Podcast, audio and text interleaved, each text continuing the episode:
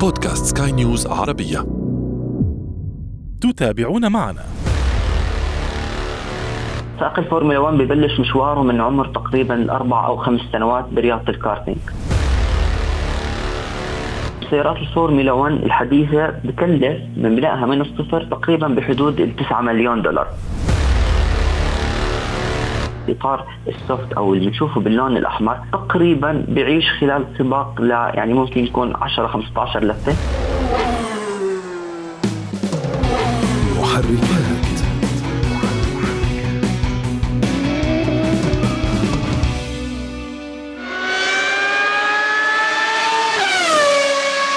أهلا بكم مستمعينا في محركات برنامج البودكاست الذي يهم كل من يقود أي نوع من المركبات أو حتى يجلس فيها. نحن هنا نهتم بتقوية ثقافة المركبات لديكم وفي كل حلقة نفتح أحد الملفات ولا نغلقه قبل أن نصل إلى نتيجة وتوصيات. أعده وأقدمه لكم أنا أشرف فارس عبر أثير سكاي نيوز عربية.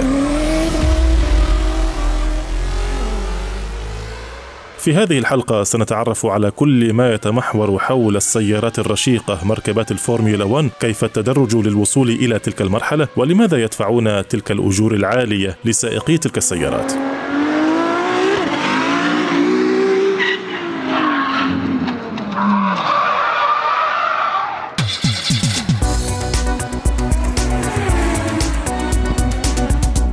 أهلا بكم مرة أخرى.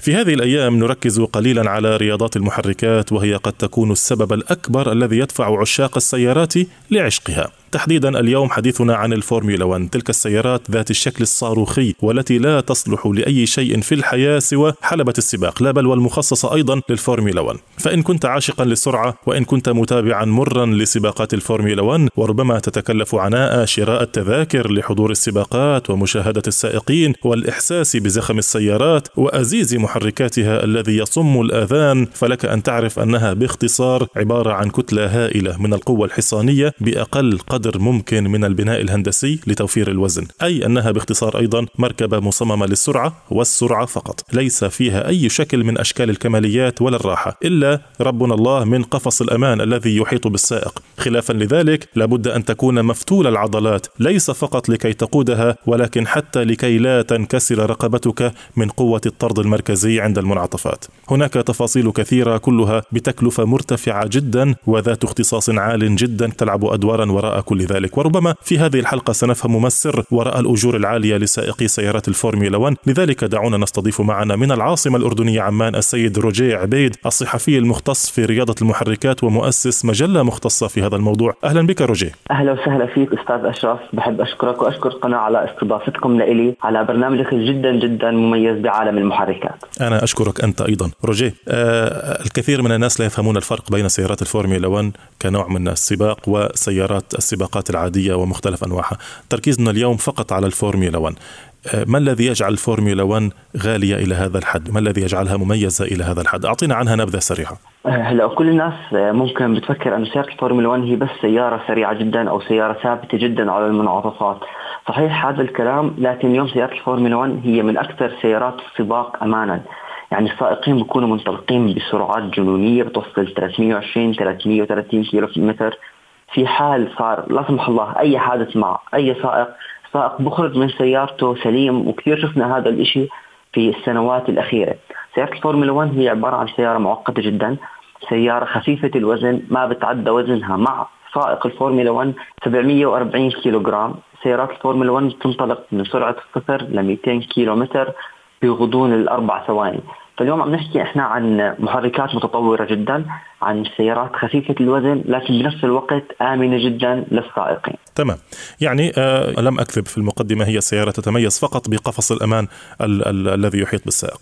طيب. صحيح صحيح. آه ما الذي يجعل سائق الفورمولا 1 سائق فورمولا 1 يعني كيف تدرج حتى وصل إلى هذه المرحلة؟ هل يكفي بأنه سائق متهور؟ هل يكفي بأنه سائق متمرس؟ أم يجب أن يمر في مراحل؟ بالنسبة لسائق الفورمولا 1 هو لازم يكون سائق أول شيء حذر بعيد عن القيادة المتهورة وخصوصا في الشوارع العامة. سائق الفورمولا 1 ببلش مشواره من عمر تقريبا أربع أو خمس سنوات برياضة الكارتينج واللي هي أم رياضات السيارات بكل أنواعها. بتبلش مرحلة بناء سائق الفورمولا 1 من هذا العمر وبتدرج من بطولات الكارتينج المحلية أو الدولية وهي أيضا رياضة مكلفة جدا. ثم بنتقل لبطولة الفورمولا 4 وهي أيضا من ال single seater أو ذات الكرسي الأحادي وبتدرج للفورمولا 3 فورمولا 2 لحتى ينتقل للفورمولا 1 مشوار طويل جدا مشوار بتطلب آه، من سائق الفورمولا 1 أو هذا السائق اللي عم ببني نفسه بأنه يكون مكرس حياته للسباقات. في بيكون عنده تمارين رياضية جسدية جدا جدا متعبة بشكل يومي. بيكون هو عنده دراسة لل قواعد السباق للحلبات ومشاركات دائمة وبالطبع السفر الدائم والبعد عن مكان إقامته الأصلي. طيب الفرق بين الفورمولا 1 والفورمولا 2 فورمولا 3 فورمولا 4 الكارتينج معروف بأنها سيارات هي الأصغر والأخف لكن يعني ما الذي يجعل منها مميزة؟ ما هو الفرق الحقيقي بين هذه الدرجات؟ هلا الفرق الأساسي هو سرعة السيارة وقوة المحرك والثبات الموجود فيها وعنصر الأمان. الفورمولا 1 يعني هي ميزة بالرقم واحد لأنه هي آه، أفضل نوع فيهم وهي الحلم لكل سائق هي أسرع سيارة أكثر سيارة ثابتة هي أكثر رياضة خطرة فيهم وأقوى محركات فيها، محركات سيارات الفورمولا 1 تقريبا تصل أحيانا لقوة ال1000 حصان. فهذا اللي بيميزها عن الفورمولا 2 أو 3 أو 4 أو حتى أكيد سيارات الكارتينج. طيب جميل. سائق الفورمولا 1 ماذا يحتاج لكي يكون مؤهلا جسديا؟ هل يحتاج لتمرينات معينة؟ هل يحتاج لقوة معينة؟ ادخل معي في هذه التفاصيل. صحيح، سائق الفورمولا 1 آه، بيكون يوميا عنده تدريبات رياضية مع مدرب مختص وهاي التدريبات بتكون هي عبارة عن تركيزها على عضلة الكتاف الظهر وأيضا الرقبة، سائق الفورمولا 1 خلال السباق ممكن يتعرض لقوة طرد مركزي بتوصل لل 5 جي أو ال 5 جي، وهي قوة يعني وضغط كثير كبير على جسده وأيضا رقبته. فبكون في تمرينات خلال اليوم مرتين للسائق بأغلب الأحوال يعني. بكون فيها بقوي هاي العضلات ليتحمل الضغط الجسدي خلال السباق. وخصوصا بأن سائق الفورمولا 1 نبض القلب له خلال السباق يصل بمعدل ال 170 بنعرف الإنسان العادي بحالة الوضع الطبيعي بيكون بين 65 ل 70 نبضة. سائق الفورمولا 1 بيكون بحدود ال 170 ففي كثير ضغط على عضلة القلب السائق ضغط جسدي خصوصا بأن وضعية قعدته بالسيارات الفورمولا 1 هي مش مريحة.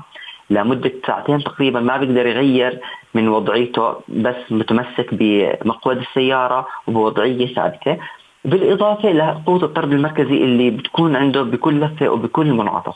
اليوم سائق الفورمولا 1 أصلا خلال السباق هو بيخسر تقريبا 2 كيلو من السوائل فكل هاي الضغوطات لازم يكون هو قبل السباق وقبل الموسم جاهز بدنيا حتى يقدر يسابق وأكيد ينافس تمام يعني 2 كيلو يخسرها هذه في في كل سباق أليس كذلك؟ صحيح طيب بالح... أنت تحدثت عن وضعية الكرسي غير المريحة، نحن نرى سائق الفورمولا 1 جالس وفي قمة تركيزه كما أنت أسلفت آه، ساعة أو ساعتين من السباقات لا يستطيع حتى أن يحك أنفه. أليس كذلك؟ صحيح. صحيح. حدثني عن وضعية الجلوس، يعني اصفها لي لمن يعني يريد أن يتخيلها. هلا آه، وضعية الجلوس بيكون أول شيء إحنا بنشوف آه، بسباق الفورمولا 1 راس السائق مبين، لكن هو بيكون جسده نازل للأسفل وإجريه بتكون طالعة بزاوية تقريبا 45 درجة عند دعسة ال brake ودعسة البنزين. ثابت ما بيقدر يتحرك. لو قارناها بسيارات الشارع اللي إحنا بنقودها كل يوم. إن بنكون يعني جالسين بزاوية 90 بين الظهر والجزء السفلي من الجسم الإنسان. سائق الفورمولا 1 لا بيكون جاي بشكل منحنى.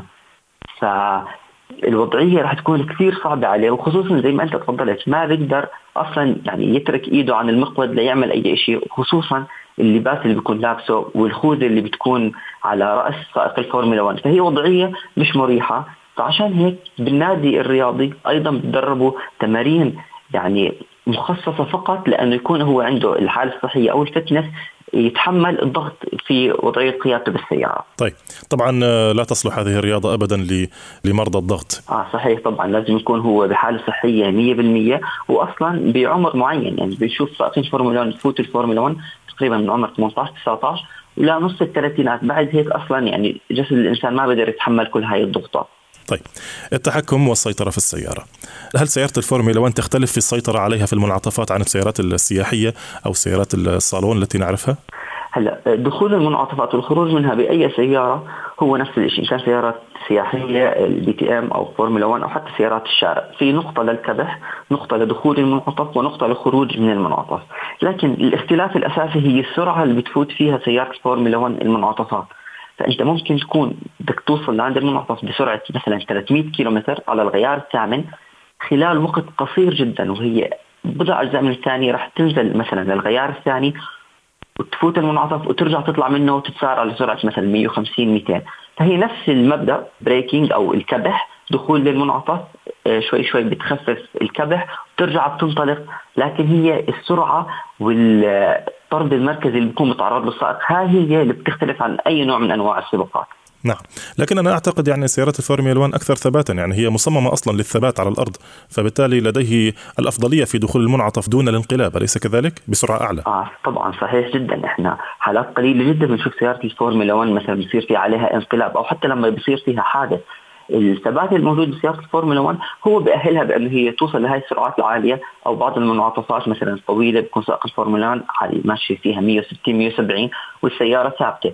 هاي واحدة من الشغلات اللي هي أصلا بتميزها والفريق بيشتغل عليها أنه أرضية السيارة الأجنحة كيف بالضبط السيارة تكون ثابتة على الأرض مهما كانت سرعتها.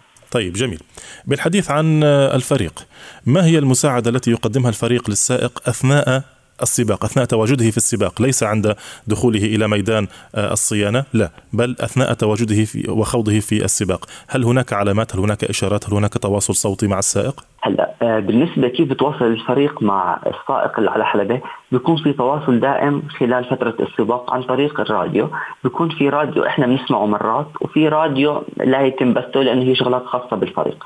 لكن سيارة الفورمولا 1 باختصار بيكون في عليها أكثر من 150 حساس sensor مشبوكين على السيارة وعن طريق قطعة اسمها ال ECU هي hardware بتحكي مع الكراج أو مع الفريق والمهندسين عن طريق موجات الراديو وهون بيكون الفريق عارف كل شيء بيصير مع السائق على الحلبة يعني مثلا آه، مثلا شو وضع الإطارات حرارة السيارة حرارة البريكات المحرك وأيضا من خلال كبسه موجودة على المقود يقدر السائق اليوم يشغل الراديو بينه وبين المهندس الخاص فيه بصير في بينهم حديث دائم مثلا عن الاستراتيجية عن الطقس آه، إذا في مشكلة معينة بالسيارة كيف ممكن الفريق من الكراج أصلا يحل المشكلة والسيارة على الحلبة كله عن طريق هاي الحساسات وقطع ال hardware اللي موجودة عند الكراج وأيضا بالسيارة. ففي تواصل دائم. طيب أنا في فيما يتعلق بالسائق نفسه أنا أستغرب نقطة يعني كيف للسائق أن يركز في كل هذه الأمور وهو في خضم سباق آه، عالي السرعة وبسرعة جنونية وبصوت أزيز محرك يا رجل. محرك الفورمولا 1 أنا أسمعه على بعد 10 و15 كيلومتر خارج الحلبة خارج الميدان. أنا أسكن في منطقة كنت قريبة من من حلبة ياس. آه، أو حتى لا هي بعيدة عن حلبة ياس لكن أسمع أسمعها من بيتي. تمام؟ هلا آه نعم. فكيف له أن يركز؟ آه ما هو هذا الشيء اللي بخلينا اليوم نشوف 20 سائق هم موجودين بالفورمولا 1 مش عدد أكثر أو كل الناس تقدر توصل الفورمولا 1 واللي هو التدريب اللي بيمتد على مدار سنوات صحيح مختلفة سيارة الفورمولا 1 من حيث السرعة من حيث المنافسة أو من حيث يعني آه، طبيعة السيارة لكن السائق التدريب الدائم على الحلبة التدريب الدائم بأنه كيف يتواصل مع المهندسين كيف يستخدم مقود السيارة كلياتها هاي الشغلات أصلا بتكون خلال يمكن أجزاء من الثانية بيعملها سائق الفورمولا 1 عشان هيك اليوم إحنا بنشوف فقط 20 سائق فورمولا 1 ما بيكون مثلا عندنا 100 سائق فورمولا 1 أو أكثر من بطولة زيها. هاي هي يمكن نجي نحكي مميزات سائق الفورمولا 1 بتيجي عنده بالفطرة يعني ردة الفعل السريعة.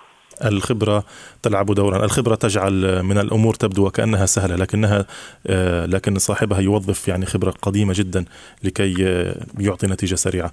طيب آه، التجهيزات والمعدات. سيارات الفورمولا 1 مبدئيا ما هي تكلفة سيارة الفورمولا 1 يعني roughly إجمالا. تقريبا سيارات الفورمولا 1 الحديثة بتكلف من بنائها من الصفر تقريبا بحدود ال 9 مليون دولار. ممكن تكون أكثر شوي أو أقل. هاي للسيارة الواحدة. للسيارة الواحدة. أعطيك مثال الجناح الأمامي بسيارة الفورمولا 1 واللي هو دائما بنشوف مثلا بصير في حوادث بس بيكون كثير سهل انه بس ببدلوه وبيرجعوه تكلفته بحدود ال 210000 دولار. هذا الجانح الواحد اللي كل السباقات بنشوفه بتكسر. محرك السيارة أو مع وحدة الطاقة تقريبا تقريبا سعره بحدود ال 5 مليون دولار. تختلف من طريق إلى آخر طبعا.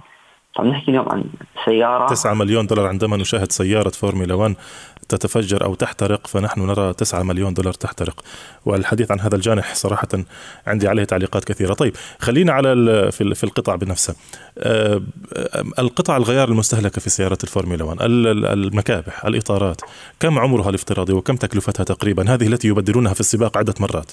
هلا بالنسبة للإطارات آه، الإطارات هي ثلاث أنواع. بنشوفها دائما باللون الأبيض الأصفر والأحمر وهي آه، إطارات تختلف بتركيبها. يعني مثلا عندنا الإطار ال soft أو اللي بنشوفه باللون الأحمر هذا الإطار تقريبا بيعيش خلال سباق ل يعني ممكن يكون 10 15 لفه طبعا تختلف من الحلبه الظروف الجوية وأيضا أسلوب قيادة السائق الإطار ال medium واللي هو بيعيش فترة أطول ممكن يعيش مثلا بزيادة عن إطار ال soft مثلا 10 لفات 12 لفة، إطار ال hard واللي هو أكثر إطار بعيش عدد لفات، آه هذا الإطار هو أبطأ إطار بسيارة الفورمولا 1. كثير ناس رح تتساءل طب ليش هذا يعني إطار الفورمولا 1 بغض النظر عن نوعه ما بيعيش فترة طويلة آه لأنه هو مخصص لسرعات عالية وليتحمل ضغط كثير كبير. فهون الاختلاف بينه وبين أي إطار يعني من سيارة شارع بالنسبة لتكلفته الأربع إطارات الواحدة تقريبا تكلفتها بحدود ال 2700 دولار. جميل. يعني أنا باعتقادي أن الفرق بين الإطارات عملانيا خلال السباق أن الإطارات ال hard أو أو القاسية تصلح في الأجواء الحارة أكثر ربما آه، ولأنها لكونها في النهاية هذه الإطارات ربما تكون صعبة في التحكم على المنعطفات ربما الإطارات ال soft أكثر تحكما على المنعطفات. هل أنا محق في هذه النقطة؟ صحيح. الإطارات ال soft هي الإطارات اللي بترتفع درجة حرارتها بوقت أسرع فبصير فيها الثبات على المنعطفات أفضل شيء خلال تقريبا أول لفات إطار ال hard هو الإطار يعني بنحكيها إنه بضل فترة أطول لكن الثبات بيكون فيه أقل. آه، بنشوفها دائما هاي أيام الجمعة والسبت إطارات ال hard بيستخدموها السائقين. بالسباقات بالعادة إطار ال soft وال medium طبعا حسب ظروف السباق والاستراتيجية اللي بتتبعوها لكن كلامك صحيح. طيب جيد جيد جدا. الخوذة. أنا إحدى المرات نعم. دخلت إلى محل الخوذ لشراء خوذة للدراجة النارية ووقفت أمام يعني range طويل من أنواع الخوذ والأسعار والاختلافات. ما الفرق بين خوذة آه، الخوذة الاعتيادية التي يستخدمها مختلف أنواع السائقين وخوذة الفورمولا 1 خوذة الفورمولا 1 يمكن هي خط الدفاع الأول لسائق الفورمولا 1 في حال الحوادث أو انقلاب السيارة. لأنه أول شيء هي بتحمي رأس السائق وأكيد رقبة السائق. هي بتتكون من مواد من الكربون والكيفلر. أيضا الكيفلر هي مادة خفيفة جدا لكنها تتحمل حرارة عالية. آه، لمعلومه يمكن مش الكل بيعرفها. خوذه الفورمولا 1 لمدة 45 ثانية بتتحمل حرارة 700 سلسيوس. ففي حال صار حريق السائق يعني في أمان عالي جدا.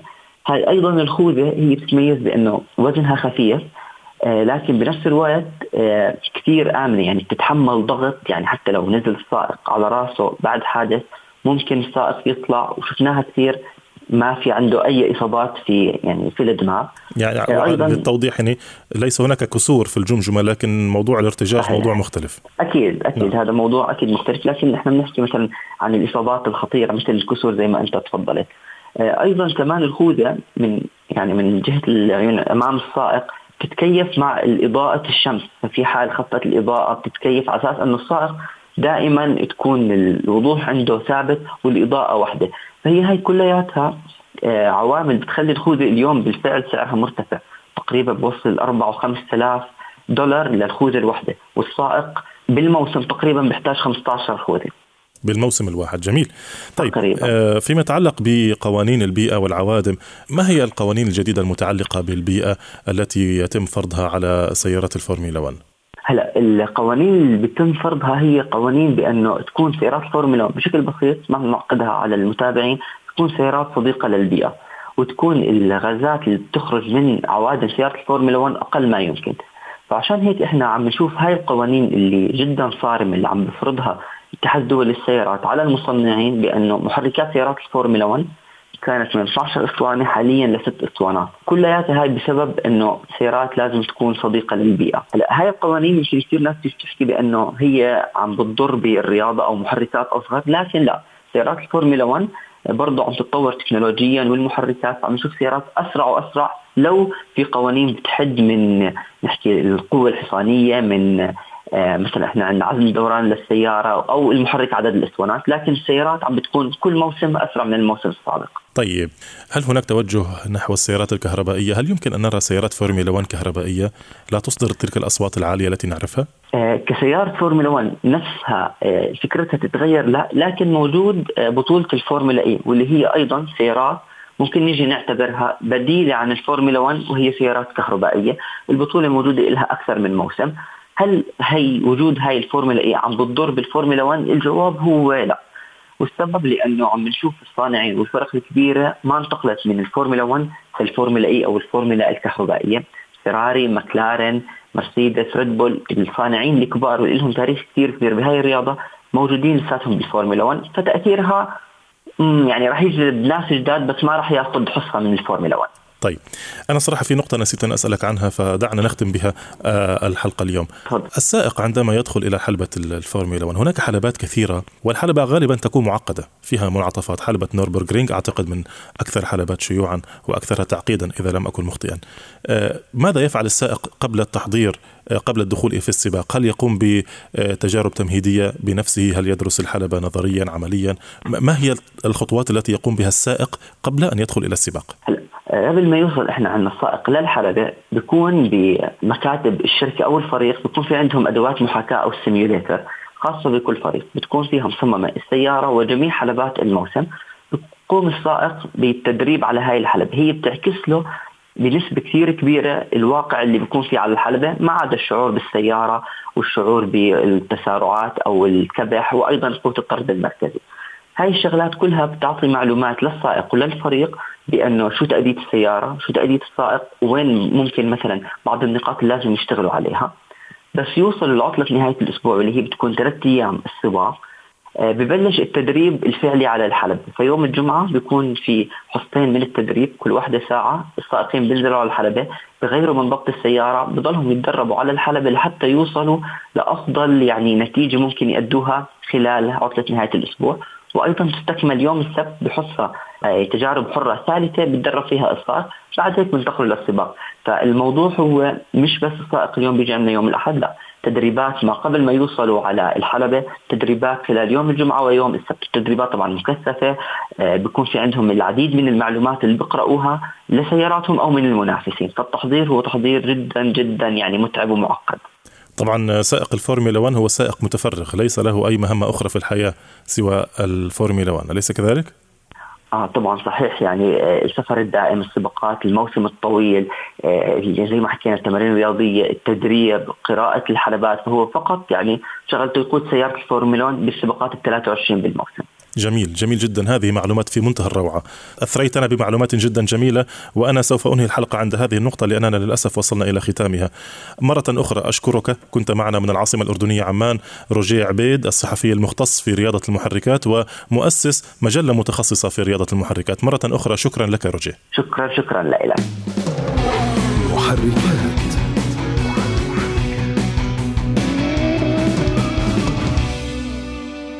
وأنتم مستمعينا الكرام إذا حاز هذا البودكاست على استحسانكم يرجى منكم إعطائه التقييم المناسب. وإذا كانت لديكم أي تعليقات أو تحسينات يسعدنا أن نستقبلها دائما عبر رسائلكم في منصاتنا المختلفة أو في التعليقات أسفل هذا البودكاست. طبعا إذا كانت ميزة التعليقات متاحة كان معي في الإخراج الفني إيدي طبيب في الإعداد والتقديم. كنت معكم محدثكم أنا أشرف فارس. مرة أخرى نشكركم على حسن المتابعة. دمتم دائما وأبدا. في أمان الله. مع السلامة.